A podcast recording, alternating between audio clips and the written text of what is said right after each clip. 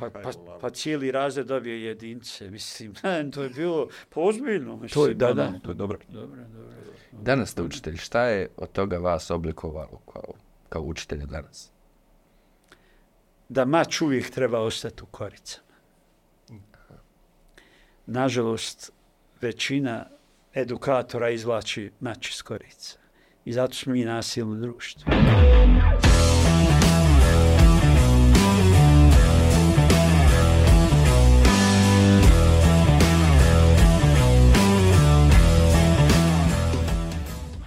Prva je u petoj sezoni Dobrodošli dobri ljudi, a peta sezona besjeda o obrazovanju sto i neka epizoda, ima stotine sati razgovora uzaludnog o obrazovanju. E sad da ne bi bilo uzaludno, hoćemo li da... Pa mislim da nije toliko uzaludno koliko je bespotrebno. Besmisleno. Sami smo se ukinuli bili jedno vrijeme i nije nas bilo šest mjeseci. Vaskrsnuli sad. Tako, i sad smo vaskrsnuli, pojavili smo se ono opet tu, da opet pričamo o potpuno nekom, nekim drugim temama nego što smo to radili prethodne Tako. četiri sezone. Ovaj put samo o obrazovanju. Tako je. O, nadam se da će vam biti ugodno. Noviteti drugari, a konačno smo našli svoj dom iz kojeg nas neće, nadam se, istirati.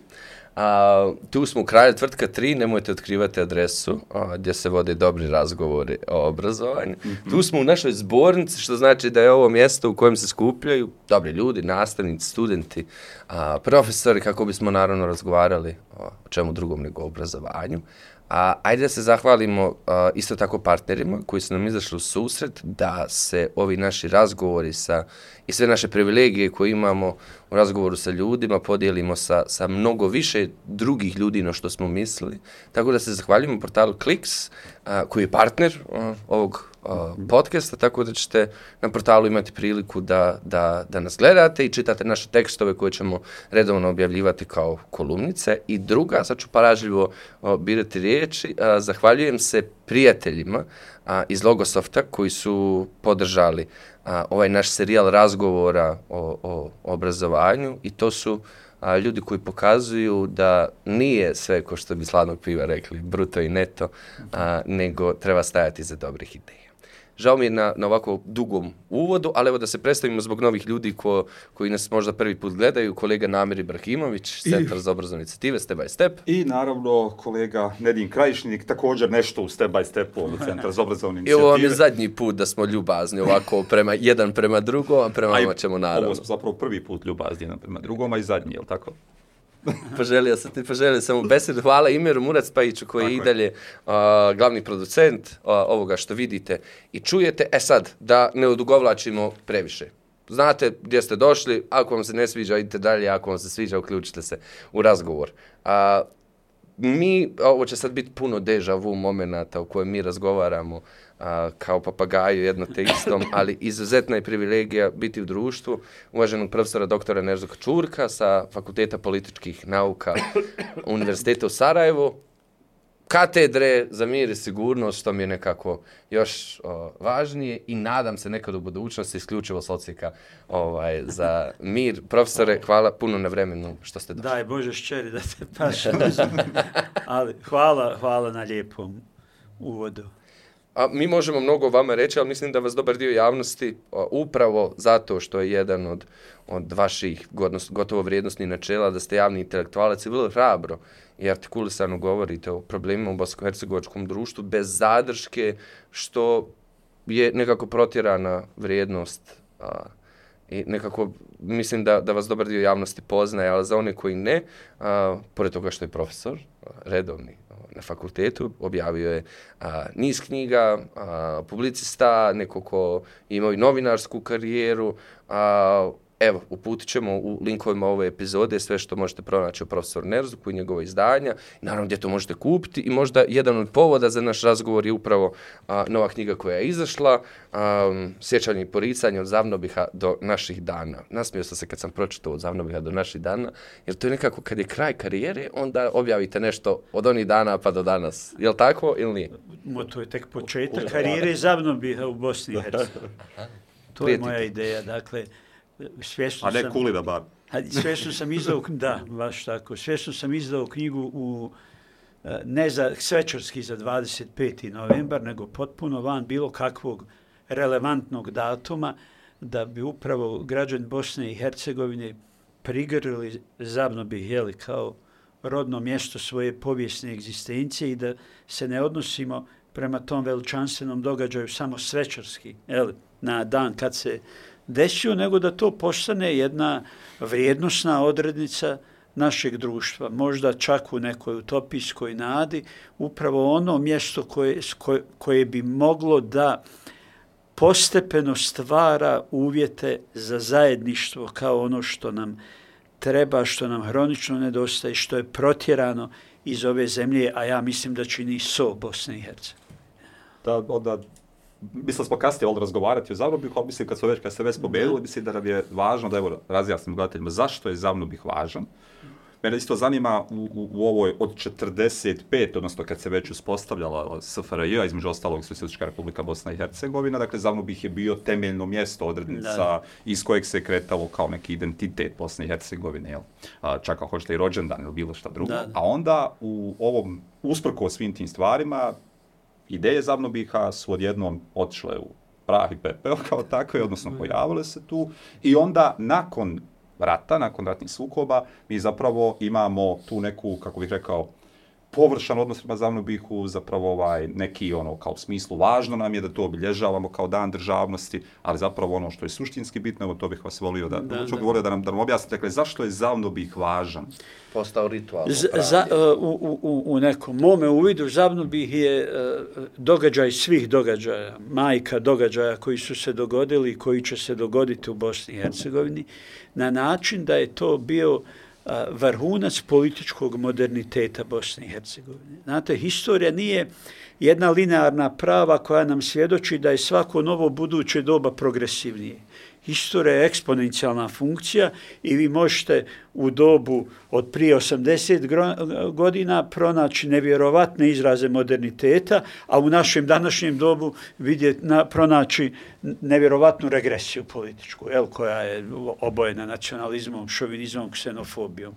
Zavno bih, dakle, kojega u historijskom smislu treba motriti zajedno sa Avnojem, dakle, kao dio jedne jedne um, oslobodilačke jugoslovenske partizanske uh, paradigme uh, je tog, dakle, 25. novembra jel, 1943. na prvom zasjedanju posvjedočio da narodi Bosne i Hercegovine mogu zajedno konstituirati svoju republiku. Pazite, zajedno.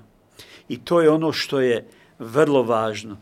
E, drugo je pitanje sada što se to sve dešavalo unutar jedne kolektivističke e, naracije, unutar jeli, jednog, jednog, e, jedne, jedne ideje bratstva, jeli, koja, je, koja je tada bila daleko od onog svačanja individualiteta kojeg mi danas imamo, ali sma, ne smatram to izuzetno važnim u ovoj mojoj interpretaciji. Dakle, činjenica je da mi živimo, e, već, dakle, faktičko od formiranja e, etnonacionalnih stranaka do danas, da mi živimo jednu diktaturu nacionalizma od koje nemamo koristi i e, žele nas uvjeriti da je prirodna datost Bosne i Hercegovine odvojenost etno-nacionalnih partikulariteta, a zavno bih nam je posvjedočio dakle, da su ljudi odlučili da zajedno, tada kao e, Srbi, Hrvati i muslimani,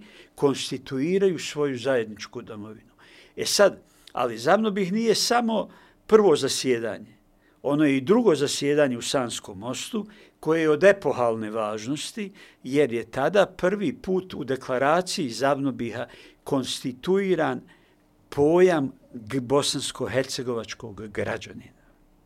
Nažalost, unutar bivšeg jel, socijalističkog eh, sistema koji je bio kolektivistički, ta ideja nije eksploatirana i mnogi ljudi uopće ne znaju da postoji taj institut unutar deklaracije drugog zasjedanja Zavnobija, što je veliki kapital za razumijevanje i izgradnju Bosne i Hercegovine kao jedne liberalno-demokratske eh, zajednice. I onda imate 45. u aprilu, treće zasjedanje Zavnobija u Sarajevu i to u zgradi FISA, što je vrlo, vrlo, vrlo jeli, ovaj, zanimljivo. I vi kad slušate te govore, pazite, 80 godina poslije, vi ne možete vjerovati.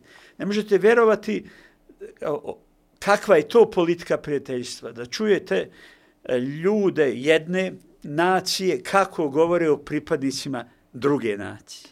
Znate, politička zrelost, odnosno poli, ovo sad. Dakle, kad sad poredite sa, sa ovim, recimo, kad vi vidite sada političare naše, čiji je glavni, glavna politika neprijateljstva, gdje vi 30 godina niste čuli poruke mira ni od jednog da. političara, gdje vi imate na dnevnoj osnovi dehumanizaciju drugih ljudi, normalizirani govor mržnje, da vama naprosto pamet staje, dakle, i da su se i mediji na to navikli, da oni daju ogromnu pažnju ljudima koji na svakodnevnoj osnovi dehumaniziraju druge ljude. Pazite, svode ih na, kako bih rekao, na, na, na, na neki goli život, razumijete, na goli život, na jednu, kako bih rekao, produkciju koja ne zaslužuje da, da pripada antropološkoj zajednici. I, i, i, i sad 80, a 80 godina prije imate ljude, recimo kao Rodoljuba Čolakovića, koji je jeli, bio i prvi predsjednik Bosansko-Hercegovačke uh, vlade, jeli, nakon drugog svjetskog rata, koji govori o Bosni i Hercegovini, pa smrznete se, dakle, kao zajedničkoj domovini svih njenih naroda, da nikada više bosanski komunisti i jugoslovenski neće dozvoliti uh, da se bo, da srpska i hrvatska buržoazija dijele Bosnu i Hercegovinu, a to neće dozvoliti i mi moramo imati u vidu da sad imamo i muslimane koji također bi uništenje Bosne i Hercegovine smatrali kao uništenje sobstvenog mm. bića i pa ste i onda vi, dakle i sad me neko kaže da je to pogrešno. Pa kako je bratstvo pogrešno? A kako je zajedništvo pogrešno u zemlji koja je, kako bih rekao, osuđena, da tako slobodnije kažem, na zajedništvo sudbine. Kako je, kako je to nenormalno, a normalno je da živimo tri odvojena o, etnička života, da proizvodimo nove artificial, artificijalne izmaštane granice, by the way, kao granica postoji, postoji jel? da pravimo neke virtualne berlinske zidove među, među ljudima, Znate. Koji su čvršći, čini bi se od berlinskog, fizičkog. Čvrsti uh, unutar dominantnih uh, medijskih i političkih struktura koji nam samo šalju tu naraciju. Ali znate, vi imate odnose među ljudima koji su potpuno izvan tog, izvan te takve paradigme, gdje ljudi surađuju, gdje ljudi naprosto vole život. Razumijete? Ne pitaju planinari koje si nacije. Ne pitaju razna ljudi po raznim udruženjima, jeli, koje si nacije, naprosto Tako, žive služitelji, prodavači, jo, bilo ko. Dakle. Žive jedan svoj autentični, autentični mogu život. Mogu ja da pokvarim romantiku ovu između vas A, hajde. dvojice. Sjećam se ovog razgovora i kad ste objavili zašto je Bosna... A ne ništa. A ne, ne ništa.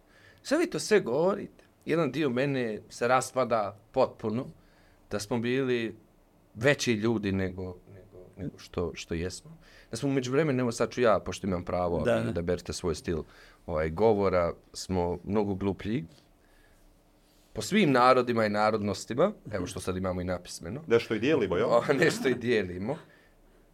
Je li to sad, s pravom da vas pitam, je li to možda sad vaša, vaše romantiziranje nečega što, što je bilo, a što više, evo, a, pokušam, je li ne može biti, jer pored ove realnosti u kojem ljudi sarađuju, imamo realnosti u kojoj ljudi hrani djecu zlom, Tako. A, hrane mržnjom, spremni su naš svašta. I znam da ste jednom, više puta ste to pomenuli, kad god sam ja ljut na meni, meni je Bosna i Hercegovina, ne govorim uopšte o političkim kategorijama, nego kao mjestu gdje, gdje, uh, gdje, gdje mi živimo, pa kad vi meni onako gotovo vičete na mene, pa ne di me u toj Bosni se posle rata nije bilo ozbiljnih nasilnih incidenata, dakle ona ima i dalje nadu da, da, da, da, da, da. da, da živi. Da li je to sad, evo, da li je i ovo, da li je i zašto je Bosna, a ne ništa, vaš vapaj, očaj, doprinos, možda nečemu čega polako To je odlično, to je odlično pitanje, jer pazite, svi smo mi na neki način uhvaćeni u žr, žrvanj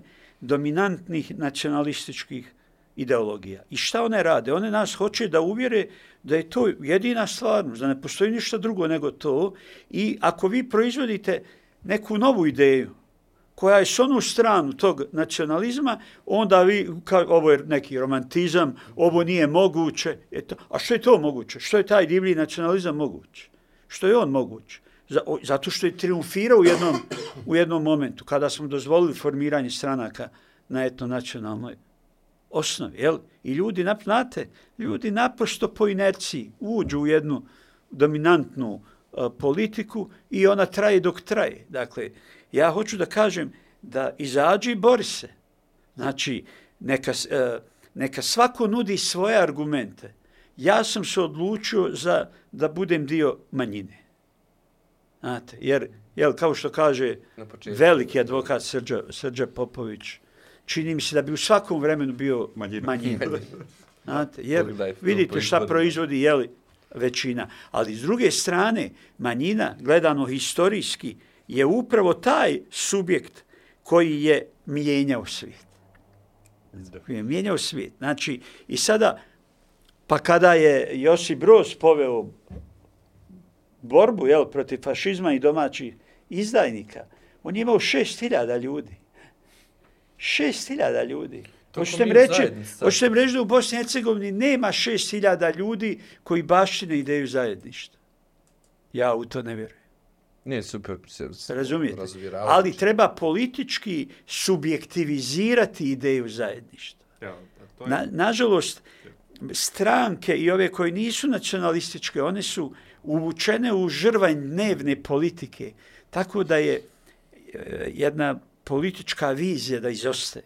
Znate, ono što je recimo isto kad govorite o tome, ne znam, ja ono što Abdo Humo piše u konceptu svog ono nivoa i predratnog i kasnije prvih godina do 43. kad on Sarajevo dolazi. I, dakle, isto u tom smislu, dakle, vrlo je neizvjesno bilo, nisu odustajali, ono, jedinice su prelazile, stad su bili u četnicima, stad su bili u partizanima, koji im je garantovao neku sigurnost, ali čak i u tom okruženju, tim ono, bezizlaznim vremenima, bilo čega, dakle, uspjeli su na kraju da stvore zajednicu, a onda što je meni još zanimljivije, dakle, da nakon drugog svjetskog rata stvore društvo.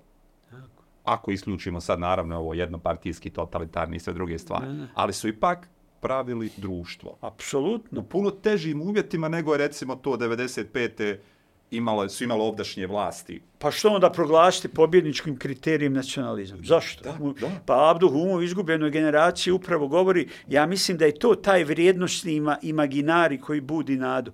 O tome, dakle, pošto su u drugom svjetskom ratu građani srpske nacionalnosti bili izloženi stravičnim zločinima, jeli, uključujući i, i genocid, on govori o, o to, to je nevjerovatno, o podršci kako muslimani Bosne i Hercegovine moraju dati podršku i spašavati svoje građane srpske nacionalnosti.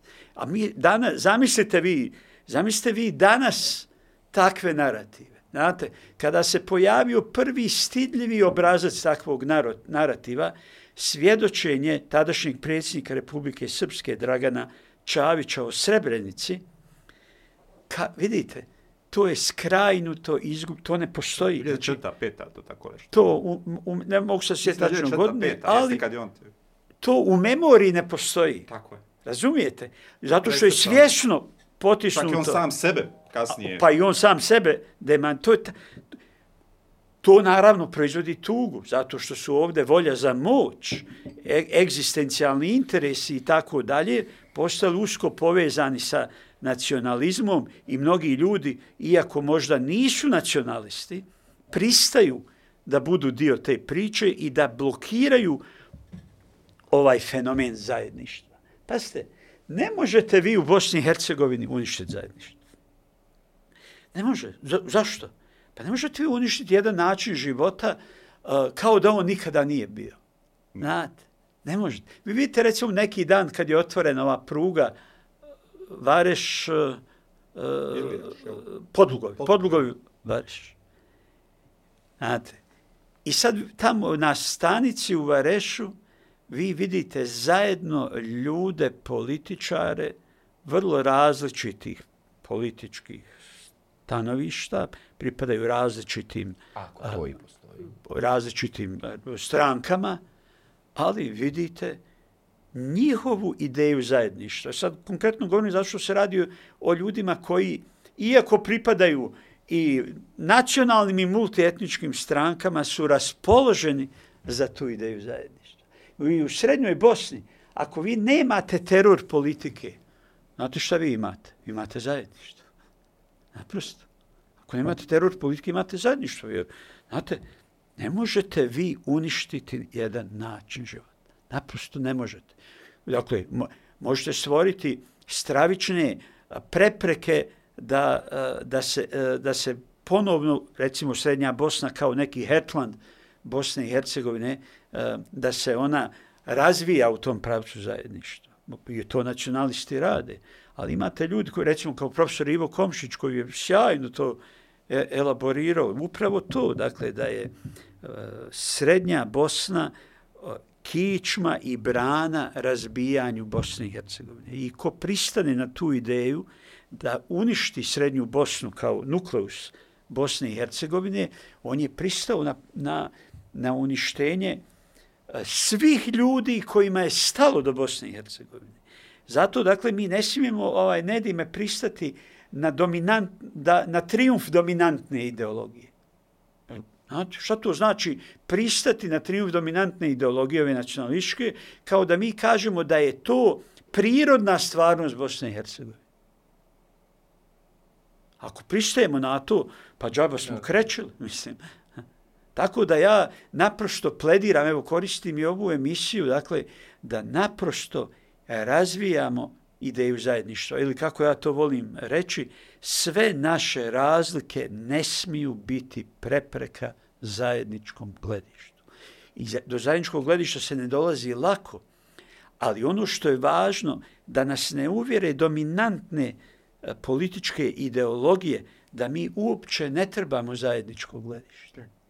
Da ne propitujemo uopće tu njihovu to, e, to, e, to, to. Dovede, jer pogotovo se bojim da ona, ona generacija koja nije imala stvarni osjećaj Dakle, da si bio subjekt jednog vremena, svjedok jednog vremena u kojem se mogo sve to da, da, da osjeti, što je negdje, evo, za ovu generaciju možda mo, moju na nivou o, priča roditelja, da, iskustava, da. mahom pozitivni, da, da se razumijemo.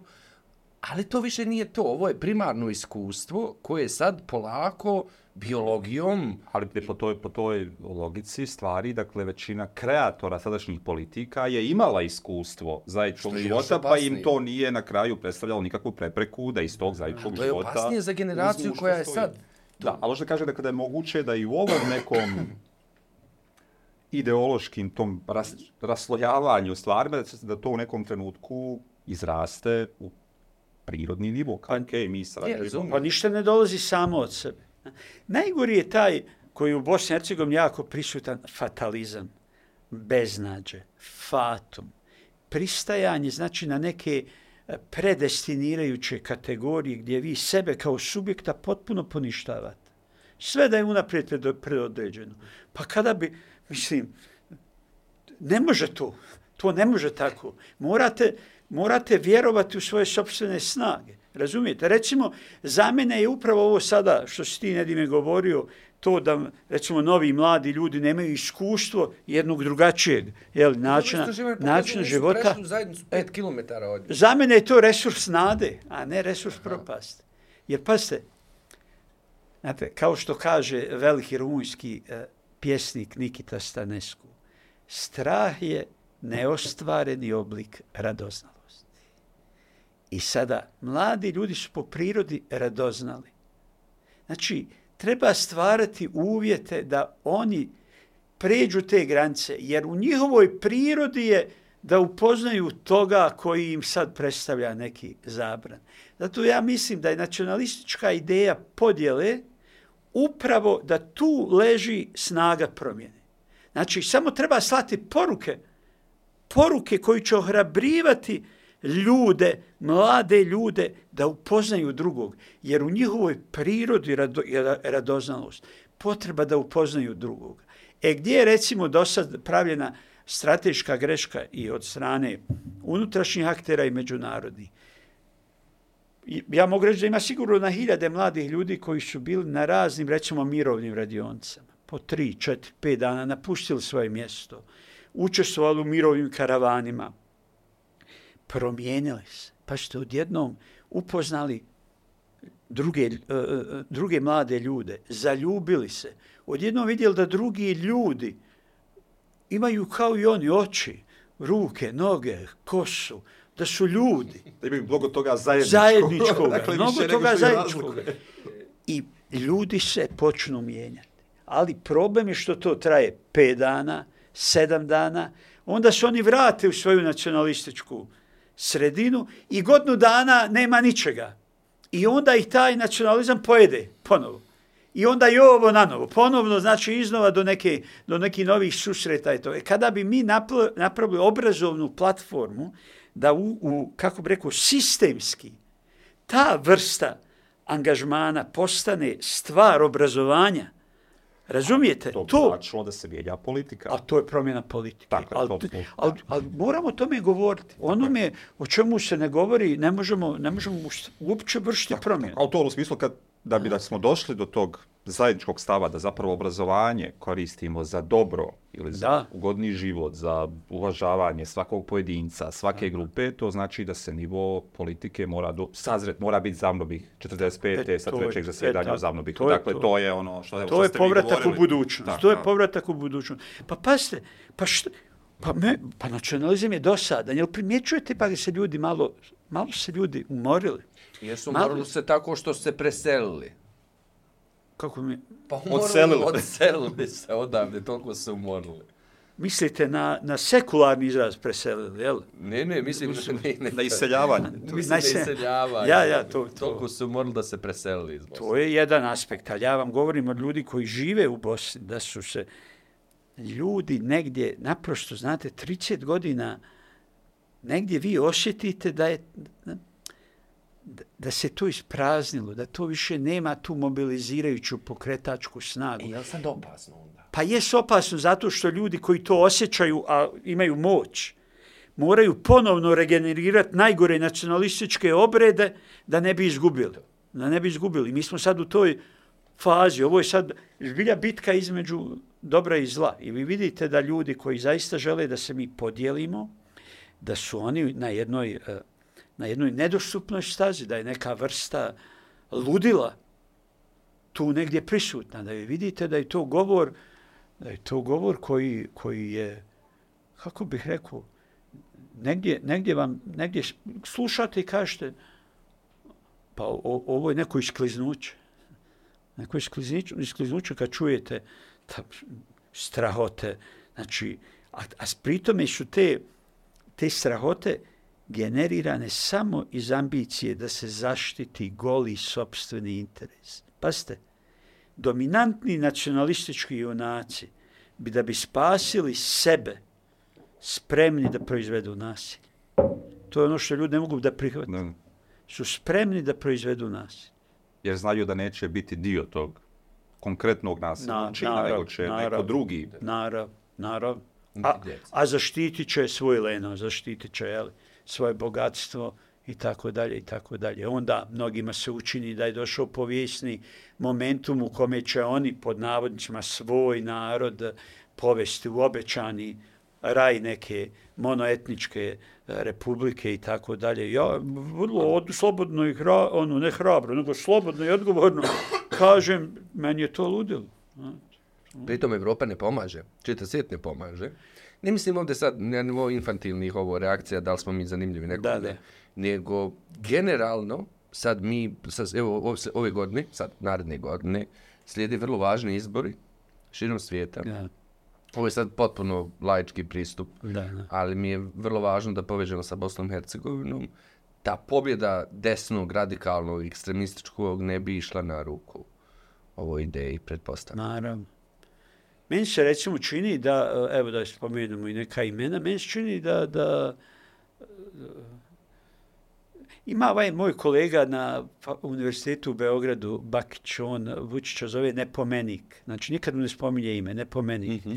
recimo imaju ovaj naš nepomenik, jel, koji ovaj, uh, računa na to. Računa na taj triumf mračnih. Čak je izgovorio to. Da, da. Mračnih ideologija koji bi stvorili uh, uvjete za uništenje multietničkih Pri čemu je država. socijaldemokratske strane. Znate, Janša je bio socijaldemokrat, jel, pa je pošto slovenski nacionalista i isključen je iz socijalističke internacionale i sad je dio ove desničarske jel, internacionale. Orbanovske ekipe. Ni, dakle, mi smo ušli u, recimo, ja sam davno, dakle, u mene su gledali ko u ludu, znači, to me ima već 15 godina napisao esej da ta ekstremna desnica dolazi. 15 godina. I naprosto sad su se stvorili uvjeti e, da najviše tu ove ogromne migracije su uzrokovale rast tih desničarskih populizama i objektivnog uh, mi sad imamo situaciju, imaš ove autoritarne režime, eli, orientalne despotije, jel, koje ti se nude sad kao neka, neka vrsta uh, spasa, a, a, a, a, a ljudi su u zatvoru zbog govora. Jel? Dakle, a ne ide nam na ruku što su liberalne demokracije ušle u taj žrvanj desničarske jel? ideologije i da u jednoj Holandiji, u jednoj Njemačkoj, jel? u jednoj Norveškoj, Švedskoj rastu te ekstremne desničarske. Mi ne govorimo o umjerenoj desnici koja je... AFD je sad drugi, jel, posle... Po, po, Po posle anketama, da. Da, koja je... Njemački AFD. Jasno, Ekstremno. jeste, naprosto, znate, to su, kako bi rekao, triumf tih stranaka je opasan zato što ispituju snagu liberalne demokracije. Šta je snaga liberalne demokracije? Izbori, uvjerenje da će, recimo, mog, može triumfirati od neki, kako bih rekao, gremi desničarskih, ti rigidni desničarskih stranaka, ali vi pokušavate da kroz institucije, kroz normativizam, sačuvate uvjete da nakon četiri godine narod glasa drugačije. Dakle, i ta snaga, ja se tog bojim, ja se bojim da kad bi došlo do ozbiljnog triumfa ovih desničarskih, rigidnih, šovinističkih, ksenofobnih, Da bi se urušio zapravo taj... da bi oni naprosto napustili taj princip. Pri čemu imamo u historiji Pa, primjere... 30, bravo, 30. godine nam. Tako je. Znate, ja uvijek preporučujem genijalnu njemačku seriju Babylon Berlin, Je, je, sjajno. koja o tome Sjajno govori kako je svijet iz bele poka, iz jedne raskalašnosti, jedne, jedne kako bih rekao, erosa života, na, u kome recimo imate jeli, u Berlinu jevreje kao najbolje umjetnike ko, ka, kao, koji um, glumce u kabarejima, uh, u- nevjerovatne umjetnike koji dakle su, kako bi rekao, uh, vrh tog svijeta, bele poka, i preko noći završavaju u, u logorima. Preko noći je došlo do triumfa zla.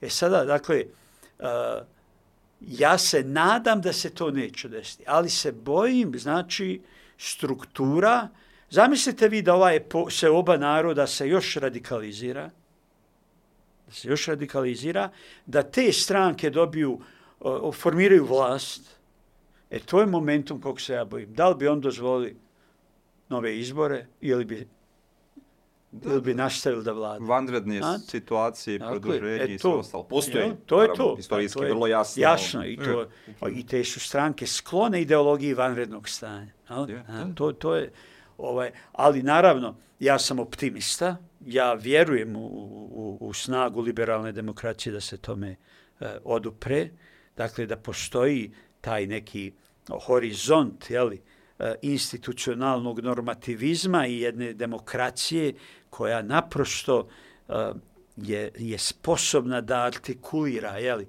sve te konflikte i da ne dozvoli izopačenje, jedno stravično nasilje i tako dalje i tako dalje. Jer ako, ako, ako to nestane, onda, znate, u, u, koji, u kom mi svijetu onda živimo, onda je stvarno, onda je svašta moguće. Onda je svašta moguće. Tako da ostaje nada da će Evropska unija ipak triumfirati sa, kao neka trajektorija mira, jeli, jedne, jednog, jedne institucionalne polaganosti, jedne, jedne e, solidarnosti i tako dalje i tako dalje.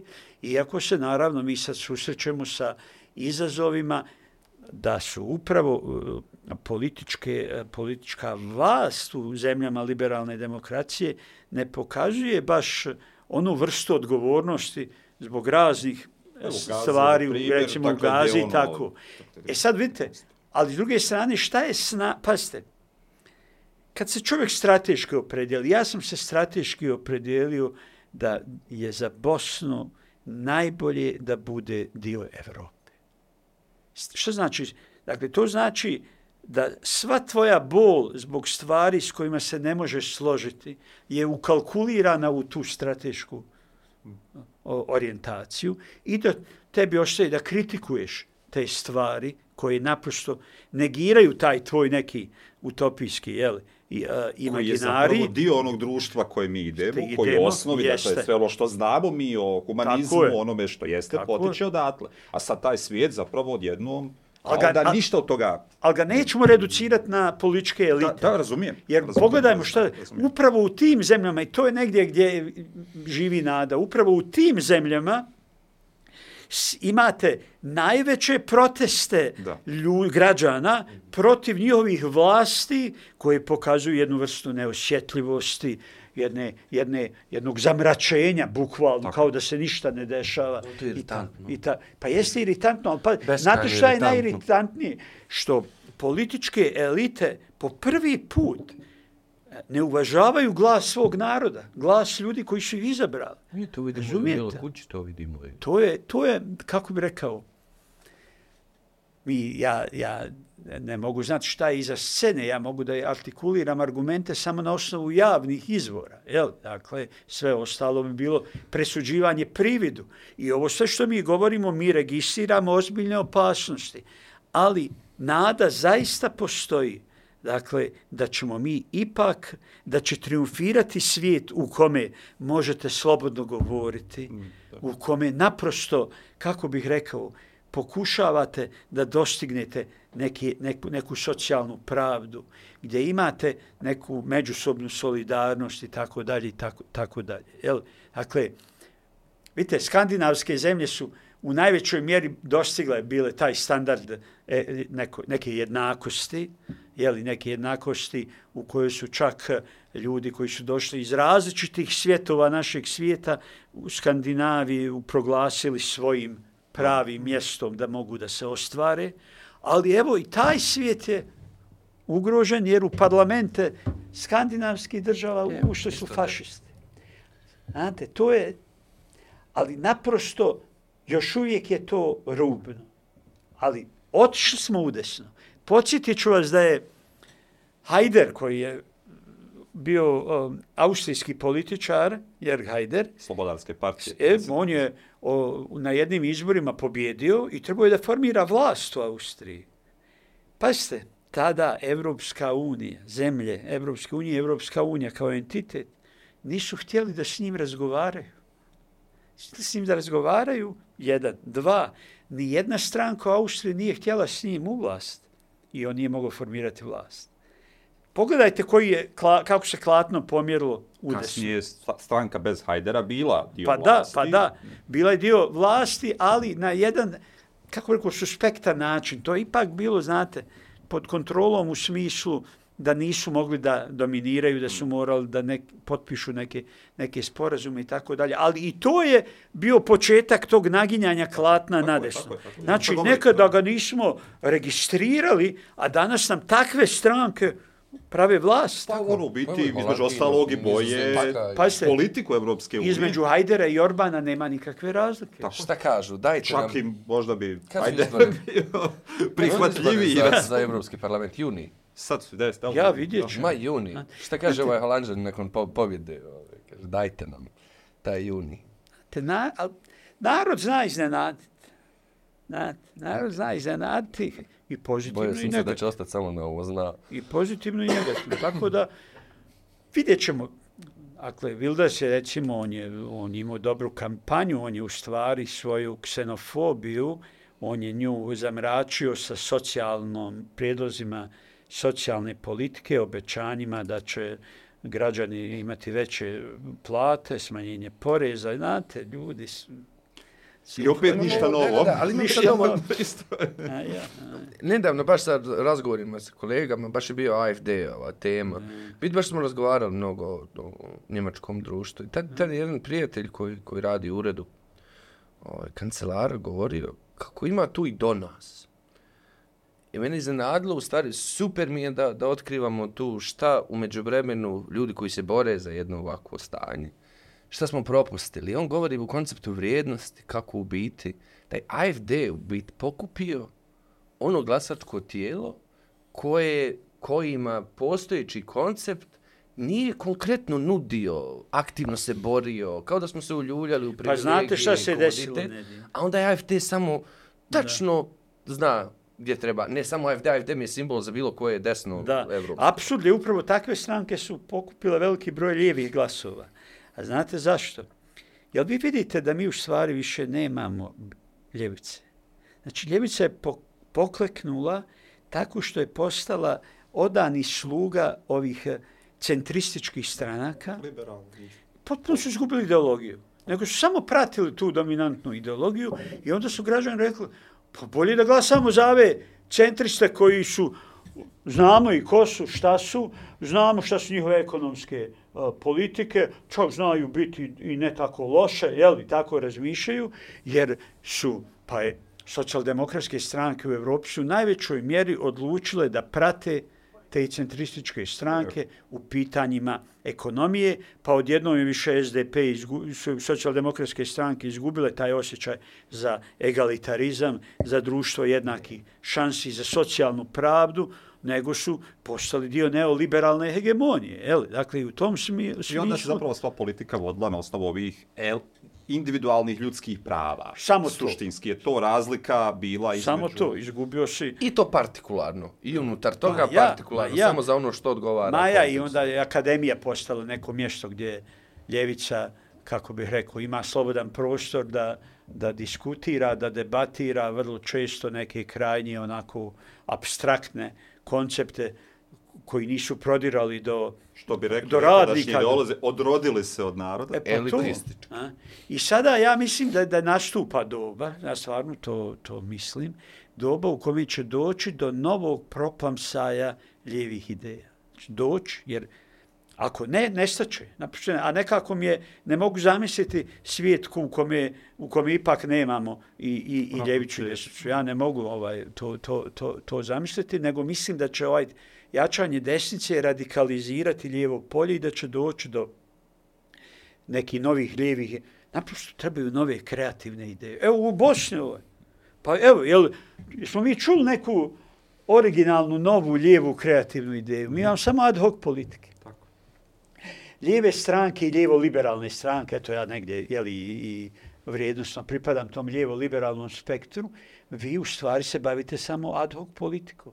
Vi nema, znači, pa lijeve stranke su poznate po svojoj intelektualnoj dimenziji, a to se potpuno izgubilo zadnjih decenija. Toga Da. više nema. Tako. Vi nemate, vi nemate prepoznatljivo a, intelektualno ime u tim strankama. Znate, to je, to je bila odrednica svih lijevih stranaka u Evropi. I to je naprosto, kako bi rekao, lavor, nema. Gintera Grasa u SPD-u. nema, nestalo, nema, Lavor. nema. A, i, i, ovaj, tu, ako, ako, ako neće doći do, do, do, do, do neke, neke nove ponude na tržištu političkih ideja, e onda, Žao onda nam je moguća, znaš, ponavljanje 30. godina. Mi smo ono, dakle, doslovno imali, ovdje spominjali smo to već u razgovorima ranijim, dakle, taj, pratimo ove predizborne obrazovne programe političkih stranaka. Dakle, u biti, kad mi sklonimo logo i kad sklonimo naziv stranke, nema nikakve razlike. Ne bismo nikad mogli pogoditi ko stoji iza koje Tako politike obrazovne, jer oni zapravo samo nabacuju floskule koje su negdje čuli. Ako ih nabaci. Bez ideje da to uopće i na koji način se materializira. Tako. Znači, obrazovni program stranaka je ništa. Znači, to je, kad se pravi ideja je da se ništa ne radi. Znači, Nego formalno mora biti, neko je Za, rekao da je jeste, to važno. zato što su najvažnije politike, je najvažnije politike su u političkim strankama smatraju najmanje bitne. obrazovanje i kultura. Da. I onda se na kraju, kad dođe do, kad dobiju vlast, bilo koje političke stranke, onda se zapravo prepušta pojedinim političarima koji ono, vrše to, tu funkciju, da rade koliko znaju, umiju i na koji način oni vide da to trebaju, a s podrškom političke stranke koja Tako ih je postavila to mjesto ili dovodi se u pitanje jer je to zapravo Tako je. naša Ta- osoba. to. I mi je nećemo rušiti, šta god da radi. Ima samo jedan aspekt kojeg ja mislim negdje da je, e, da postoji samo jedna, jedan oblik stranaka u Bosni i Hercegovini, da tako kažem, e, koji e, imaju ideju ideološkog upliva u obrazovanje.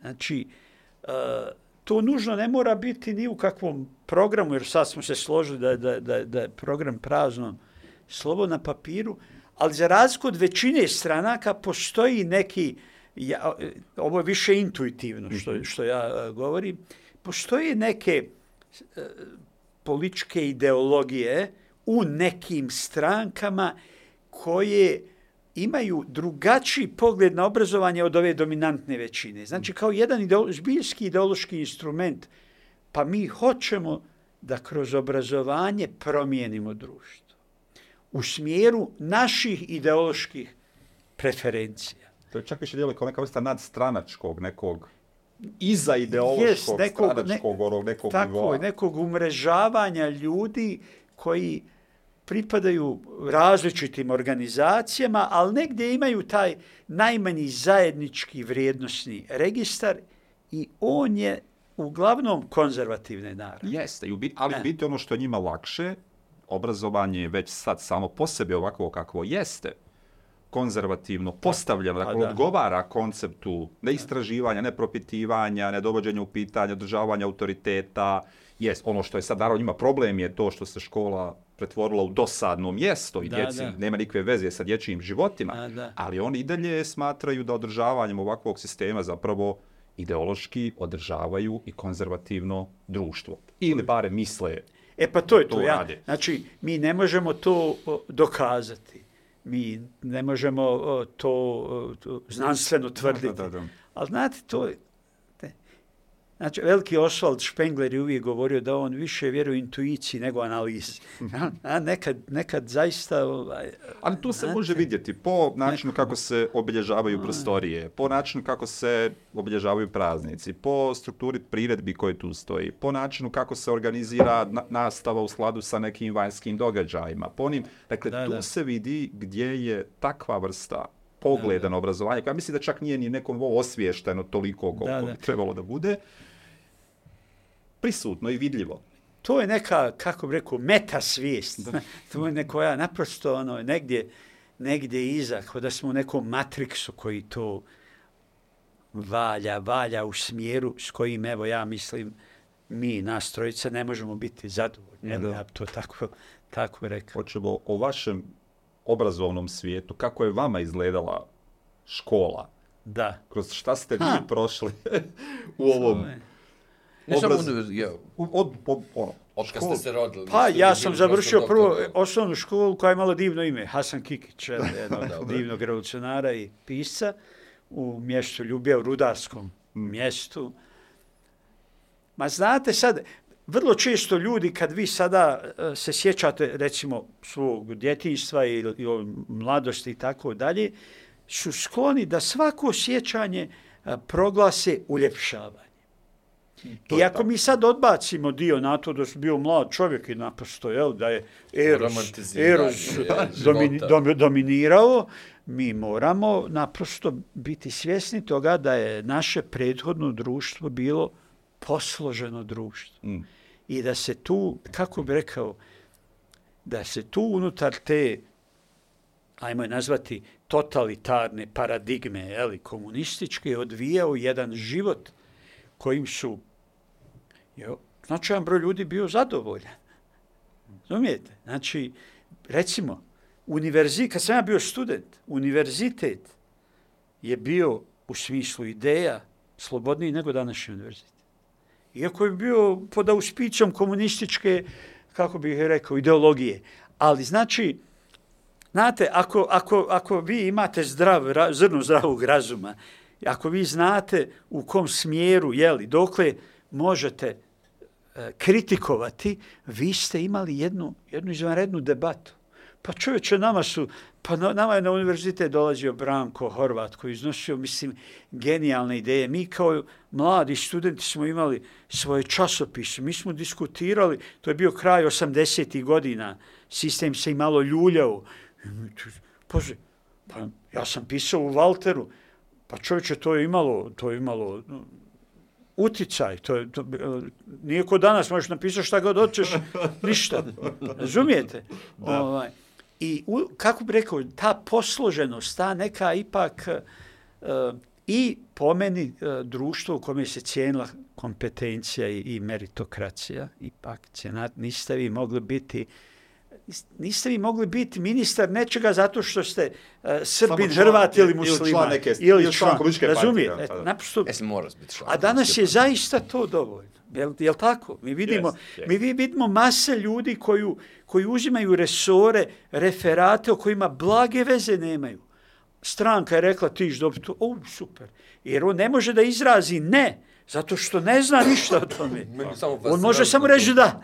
da, da. Hrabrost u kojem ti kažeš ja ću da budem ministar. E, pa, ja pa šta ću drugo nego, narav. Ne, to je, to je zapravo, pa, narav. ja sam dobio posao četvrogodišnji, To je. Ako me neko ne smijeni, pa da. ja četiri godine naravno, radim nešto. Naravno. Pazi, naročito zna izabrane političke funkcije gdje te ne obavezuje ma niš, nikakvi zakoni, nikakve. Tako. Nego naprosto, kako bi rekao, ko, je, ko je iza tebe. Tako da, uh, ja sam kao, kao, kao, ja sam kao dijete volio, ja sam volio da učim. Ja sam volio da, da, da čitam, da talno sam išao na neka takmičenja iz fizike i istorije, najviše, baš sam onako bio ono, u tome dobar, osvajao ovaj, nagrade, gimna, imao, išao sam u, u, drugu, u gimnaziju, ovaj, prijedušku gimnaziju, je sad Midžić, mm. koja je bila izvanredna, izvanredna gimnazija. Izvanredna. Šta je činilo izvanredno? Izvanredno su činili sjaj i profesor, među njima smo imali pet, šest magistara nauka, padašnji, imali smo, no, mislim, recimo, kad bi ja sad poredio sa fakultetima, teže je bilo završiti tu gimnaziju nego danas. danas fakultet. Dakle, kažete onih magistara, onih para, šta to u stvar znači? Pa to su bilo ozbiljni naučni magisteri, gdje, gdje je vama trebalo najmanje 4-5 godina da, da uradite magister. A onda su Razumim? takvi ljudi radili u školi? Pa da, u školi radili. Takvi smo imali stvarno, ono, nažalost, neki od ti moji profesora su Kasnije. u ovom ludilu završili neko u logoru, neko na pogrešnoj strani historije, jel to tako, ta, ta, tako se ovaj dešava, ali to, to je zaista, pa ja, ja se sjećam, pa recimo na, eh, na zadnjoj godini gimnazije vi izaberete kao ono izborne predmete i ja sam uzeo o, o, historiju i, i, i, i, i književnost. Znate što su mi radili na književnost? Cijeli Andrić. Znači, cijel, ja sam u četvrtom gimnaziji pročitao sve. sve što je Andrić napisao. To je bio, a prosto, ne, ne možeš proći bez toga. Cijeli Andrić. Koje godine je to, profesor? To je, znači, ja sam, uh, to je 82. 83. Ne morate odgovoriti na ovo pitanje. Imali sam Dušanku Vuković, profesor, sam, sam pa, analize dijela, ja kad sjetim Lelejske gore, čovječe, pa, pa, pa, pa cijeli razred dobio jedince, mislim, to je bilo pozbiljno, mislim, ono, to je... To je dobra knjiga. To je, da, da. To je dobra knjiga. Dobra, dobra. dobra. Danas ste učitelj, šta je od toga vas oblikovalo kao, kao učitelja danas? Da mač uvijek treba ostati u koricama. Nažalost, većina edukatora izvlači mač iz korica. I zato smo mi nasilno društvo. Dakle, i mene je oblikovao, mene je oblikovala uh, volja za mirom. Eto, tako bih ja rekao. Volja za mirom, dakle, u smislu da uh, svako zalaganje za partikularnu hegemoniju nacije, religije, ideologije vodi u nasilje. I nasilje je konstituirajući subjekt naše povijesti, to nekako To nije dobra vijest za čovjeka, ali istinita. Znate, kad pogledate ljudsku historiju, to je historija strašnog nasilja i zvijezdanih trenutaka jeli, u, kojima, u kojima je čovjek naprosto on dosegao ne, nevjerovatne visove. Pa evo vidite vi da, danas, mi živimo, znači, u 23. godini 21. stoljeća, kada artificijalna inteligencija jeli, postaje moguća mjera našeg svijeta i istovremeno imate najstravičnije ratove. Najstravičnije ratove. Koji, dakle, dakle ta, ta, ljudska, ljud, ta ljudska, kako bi rekao, antropologija koja u sebi ima i te dionce zla i dionce dobra, ona negdje one spokojava. Kako ljudi se mogu odlučiti na nasilje? To mi je, to, to, dakle, globalno nasilje, na najgore nasilje. A onda, kako ljudi lako pristanu da to nasilje spuste i na najelementarnije oblike života, na učioncu, na porodicu, na društvo, na grupu. Znate, tako da, e sada ja mislim da smo mi ipak ušli u, u, u jednu e, dobru situaciju. Po prvi put patriarhalno bosansko-hercegovačko društvo otvoreno govori o nasilju. I tome su neki ljudi naprosto doprinijeli. Znači, da se razumijemo, još uvijek je ova mirovna dimenzija uh, u obrazovanju outsiderska. Ona je još uvijek outsiderska. Vrlo često ja, ja iz kulara mogu čuti šta, recimo, moje, moje, moje kolege, kako bi rekao, jednog uh, nacionalističkog usmjerenja ili militantnog prosedeja, sa ironijom se odnose prema, uh, prema mirovnim studijima zanemarimo neznanje ljudi uopće o, o, o, o tome kao naučnoj disciplini. Zanemarimo. Nego, o, naprosto, to je sve rezultat nasilja kao dominantne paradigme u obrazovanju. I sada, šta je po meni najvažnije od osnovne preko srednje škole i univerziteta? Osvijestiti kod djece i profesora šta je nasilje. Zato što mnogo toga ljudi ne primjećuju kao nasilje. Ljudi u stvari kao nasilje primjećuju samo direktno nasilje kada vas neko udari. Znači, a ne primjećuju ovo, da, ga, da malo slobodnije kažem, hinjsko nasilje. Znači, hinjsko nasilje u strukturama, u kulturama koje dovodi do tog direktnog nasilja. Ljudi to, znate, ljudi ne pojme da je nasilje prema ženama u porodici, da, to, da nije rezultat samo nekog agresivnog momentuma e, čovjeka pod, koji je pod alko, alko, dejstvom alkohola, nego da je to nasilje povijest dugog trajanja. Mm. Tu samo kulminira. Tu samo kulminira kroz, kroz na, načine naprosto kulturne reprodukcije, jel, koja se onda manifestira u strukturama društva. Jel? I to je najveć, po meni je to najveća snaga patriarhata da se on ne primjećuje kao nasilje. Razumijete? Ogroman broj ljudi će reći, pa u čemu je problem? Kakvo nasilje? To, pa to je naprosto tako. Nema tu. Ne postoji drugačije. I, on, I snaga patriarhata je u tome da ljudi, dok ne dobiju neka znanja, uopće njega ne registruju kao nasilje. Ne registruju. Nego kao stvar u svijetu. Mm. Ili što Galton kaže, ako ništa čini da nasilje izgleda ljepše. Ljep, et, et, pa to, to je to. To je to. To je to. Upravo. Dajemo argumentaciju. Dajemo. Tako da je, da je, da je možda, recimo, kad je u pitanju obrazovanje, ja mislim da je najvažniji taj razgovor o paterhatu. Ne razgovor sa istomišljenicima, nego razgovor sa ljudima. Znate, vi imate divne ljude koji koji uopće uh, ne moraju biti skloni nasilju, ali koji ne vide problem u ovim okoštalnim strukturama moći, u ovim alfa strukturama mužjačkim. Dakle, znate, ako vi kažete ljudima, ja želim da on to osvijeste, ako sad u ovom momentu žene u Bosni i Hercegovini imaju ih, viš, ima ih više s fakultetom nego muškaraca, pa to mora generirati neku promjenu u društvenoj sferi. Znate, moramo, dakle, stvoriti uvjete da to dovede i do promjene obrazca moći. Jasno. Ali, Ali već godinama Znate. u obrazovanju dominantno rade žene. rade. E sad je to pitanje. Rade. Kako otvara patrijarhat Rade. neko ko je dio... Ko donosi? Održao. Ko donosi odluke? Tako je. Ali To je, to, to, Jer Često smo govorili isto da je, da je no, to škola igralište vrijednosti to je, ja. i da u biti dobar dio, a, sad nemojte me pogrešno stvarati, mislim znam da vas Da. nećete, ali to je perpetuiranje svega što postoji u društvu, uključujući a, i patrijarhat Pa, koji mahom biva perpetuiran od strane ženskog subjekta, što je onda još morbidnije. Zapravo se i treba jel, žena baviti učenjem djece, to nije Ja- muški posao. Pa E, šta to je, zna, kad- to je kao kad kažu, recimo, kad se baviš uh, Da. mirom, mirovnim studijama, pa to je nešto žensko. Da. Pa, s- Je a, razumije, to, to, to je to, jel? Dakle, a ljudi ne znaju dakle, da su uh, ljudi koji su proizveli ključne teorije mirovnih studija sve muškarci. Da.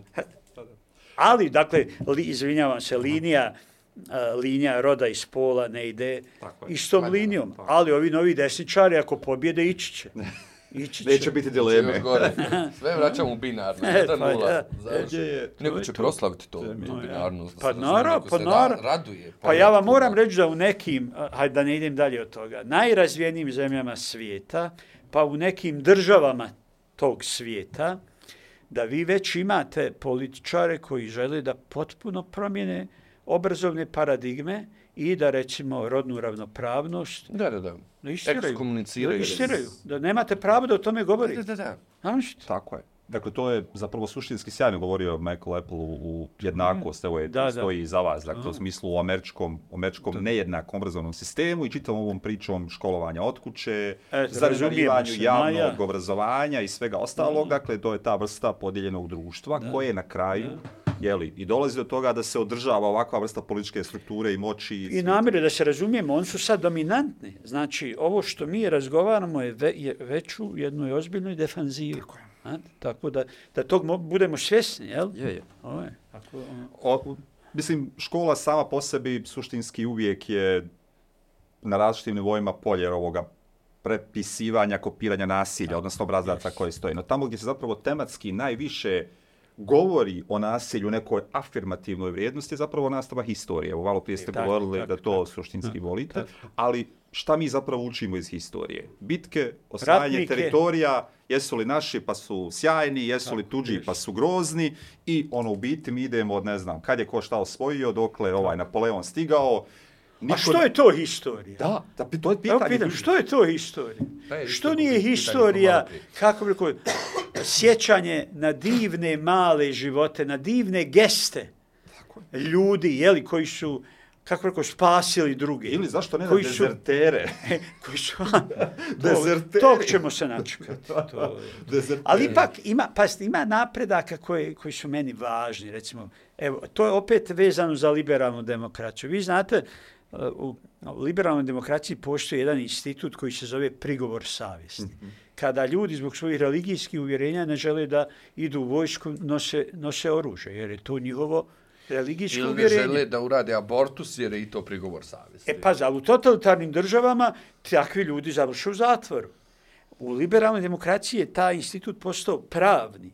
Znači, vi, naprosto vam vaša religija ne dozvoljava da uzmete oružje.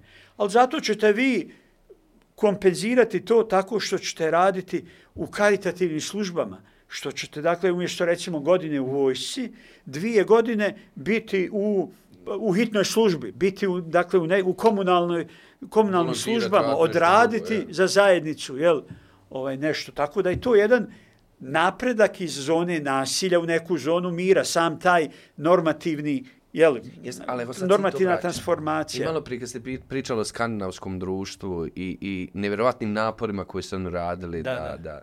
Ne pacifiziranje stanovništva, Da, da, da, da. nego jedan, jedan, jedan čisti, iskolski da, da. A, mir. Opet je sad na političkoj agendi vraćanje a, tamo gdje ga više nema vojnog roka, pa sad kunemo period što Ja. se nismo spremali za... Ja ipak za... mislim da to ne, ne, neće pobjediti, neće pobjediti.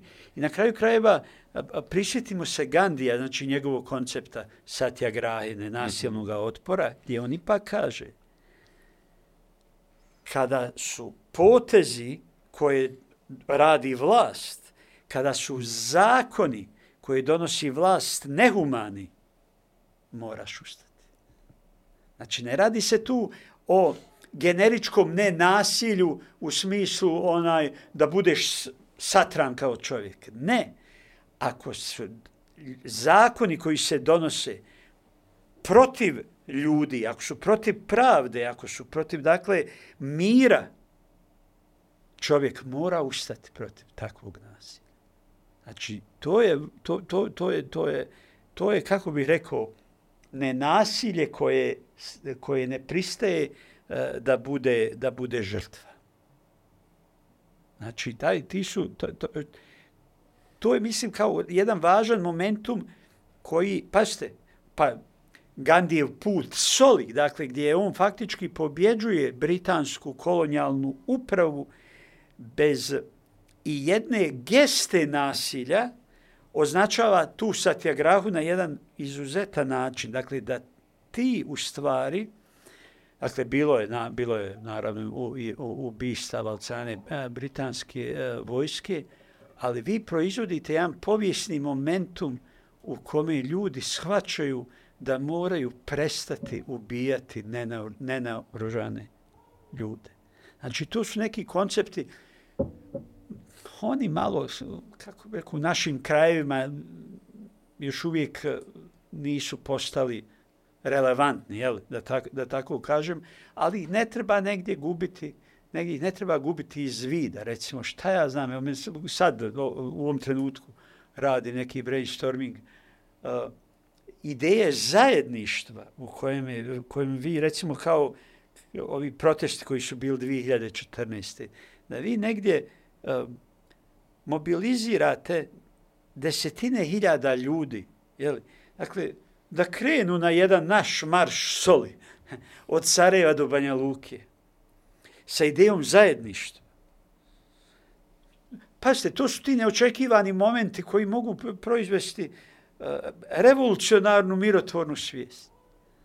Znate, e sada, dakle, ja kao naučnik i kao mirovni aktivist, ja moram bacati ideje. E, ovo je jedna ideja koja, naravno, kako bih rekao, mnogi će proglasiti uh, ludom, kao što su demonstracije 2014.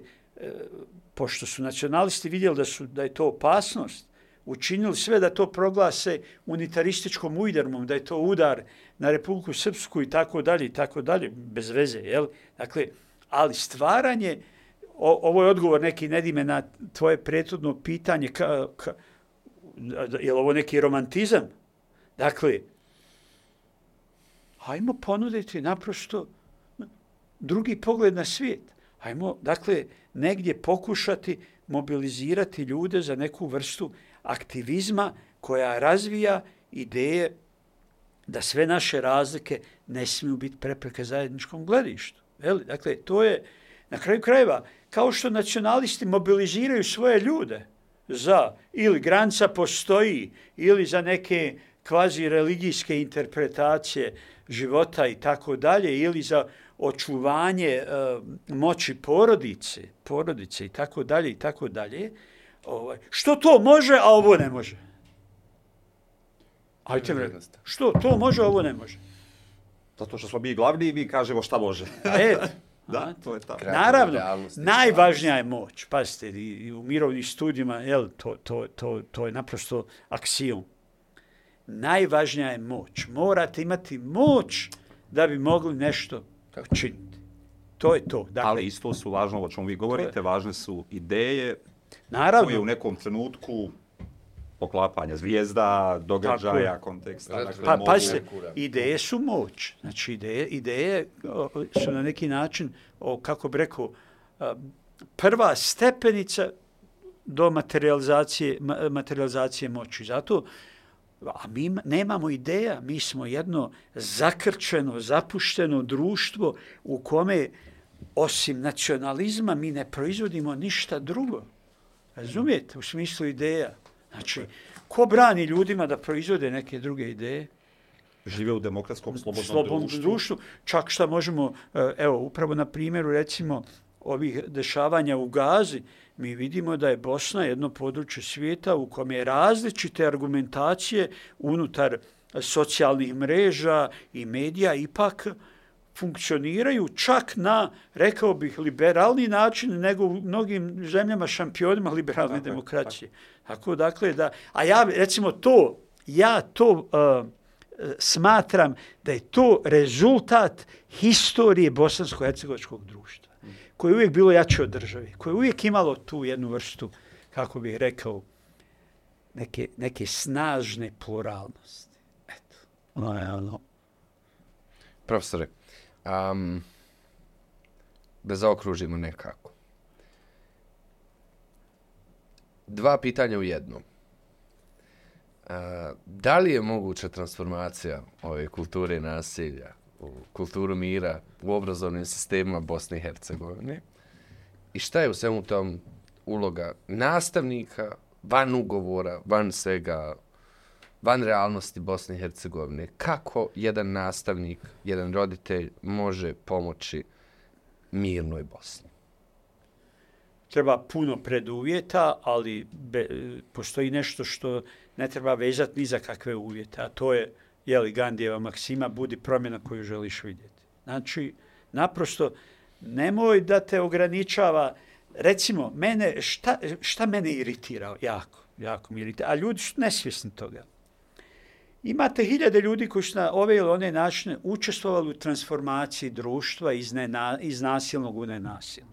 To je naročito prisutno u nevladnom sektoru, u civilnom društvu, mnogi nastavnici u školama i tako dalje. I onda ćete vrlo često čuti kako ljudi kažu umorili su se, dali su život za to, ništa se ne deš, Pardon, ništa se nije desilo.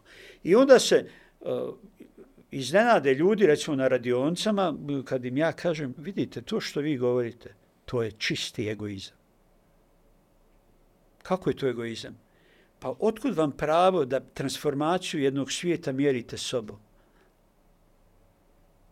Znate, to je egoizam. Znači, vi ste uradili 20 godina i sad htjeli ste da, da, šta, da svijet izgleda po vašoj mjeri. Pa vi ste mirovni revolucionar, on nikako ne može izgledati po vašoj mjeri. Znači, ali ste uradili toliko toga što se slaže u memoriju mirnog bosansko-hercegovačkog društva. Pa ljudi moji, mi govorimo o stvarima kojima se nikada nije govorilo u ovoj zemlji. To, to su To su ozbiljni poduhvati, razumijete? Dakle, mi imamo jednu pluralnost u kojoj imamo srazove različitih ideja. Naravno, dominantne ideologije imaju moć. Dominantne ideologije imaju moć. E sada, izvršiti transformaciju znači, po meni, prvo, čovjek treba da odgovorno radi svoj posao. Kada bi mi zarazili ljude tom protestantskom etikom, masovno, mi bismo već imali jedan sjajan uvjet za pozitivnu društvenu promjenu. Sljedeće je da edukatori da se uopće ne opterećuju sistemom. Tako da, da naprosto rade. Znate, to je ona promjena koja utiče na, na, na djecu, za, u koju vi od, kako rekao, niste uložili ništa drugo nego sebe, svoje znanje i svoj vrijednostni imaginari. To je vrlo važno. Ja mislim da je to toliko važno da to treba jeli, osvijestiti. I tražiti saveznike u političkim strukturama. Tražiti saveznike. Znači, ljude...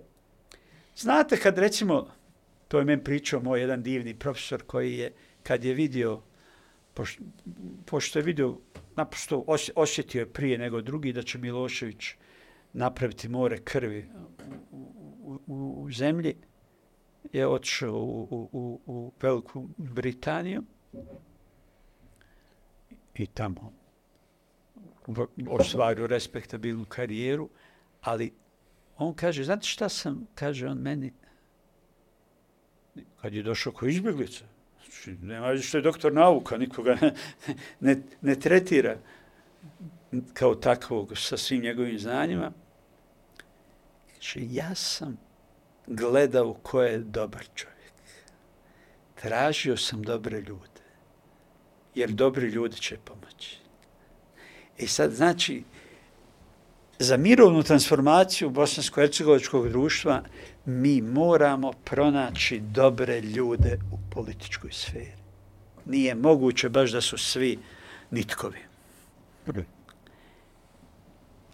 A ima ih, znate, ima ih. Mno, naravno, ja tvrdim da je glavni uzrok našeg neuspjeha egzistencija.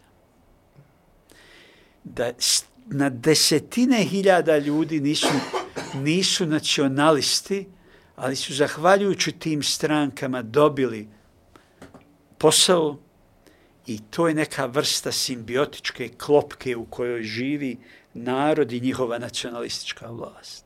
I imaju sistem koji afirmira nacionalne stranke i to je, to je jedna kvadratura kruga Naravno, nikad se ne smije prestati e, boriti i nadat se da, da su mogući novi uvjeti. Ali uvijek pod ovom egidom ništa ne dolazi samo od sebe.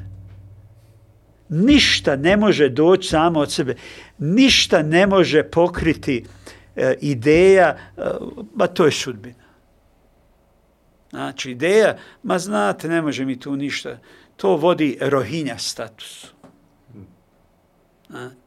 Tako da onaj e, proizvesti jednu emancipatorsku transformaciju nasilnog društva u mirno društvo, to je najteži i najveći mogući poduhvat.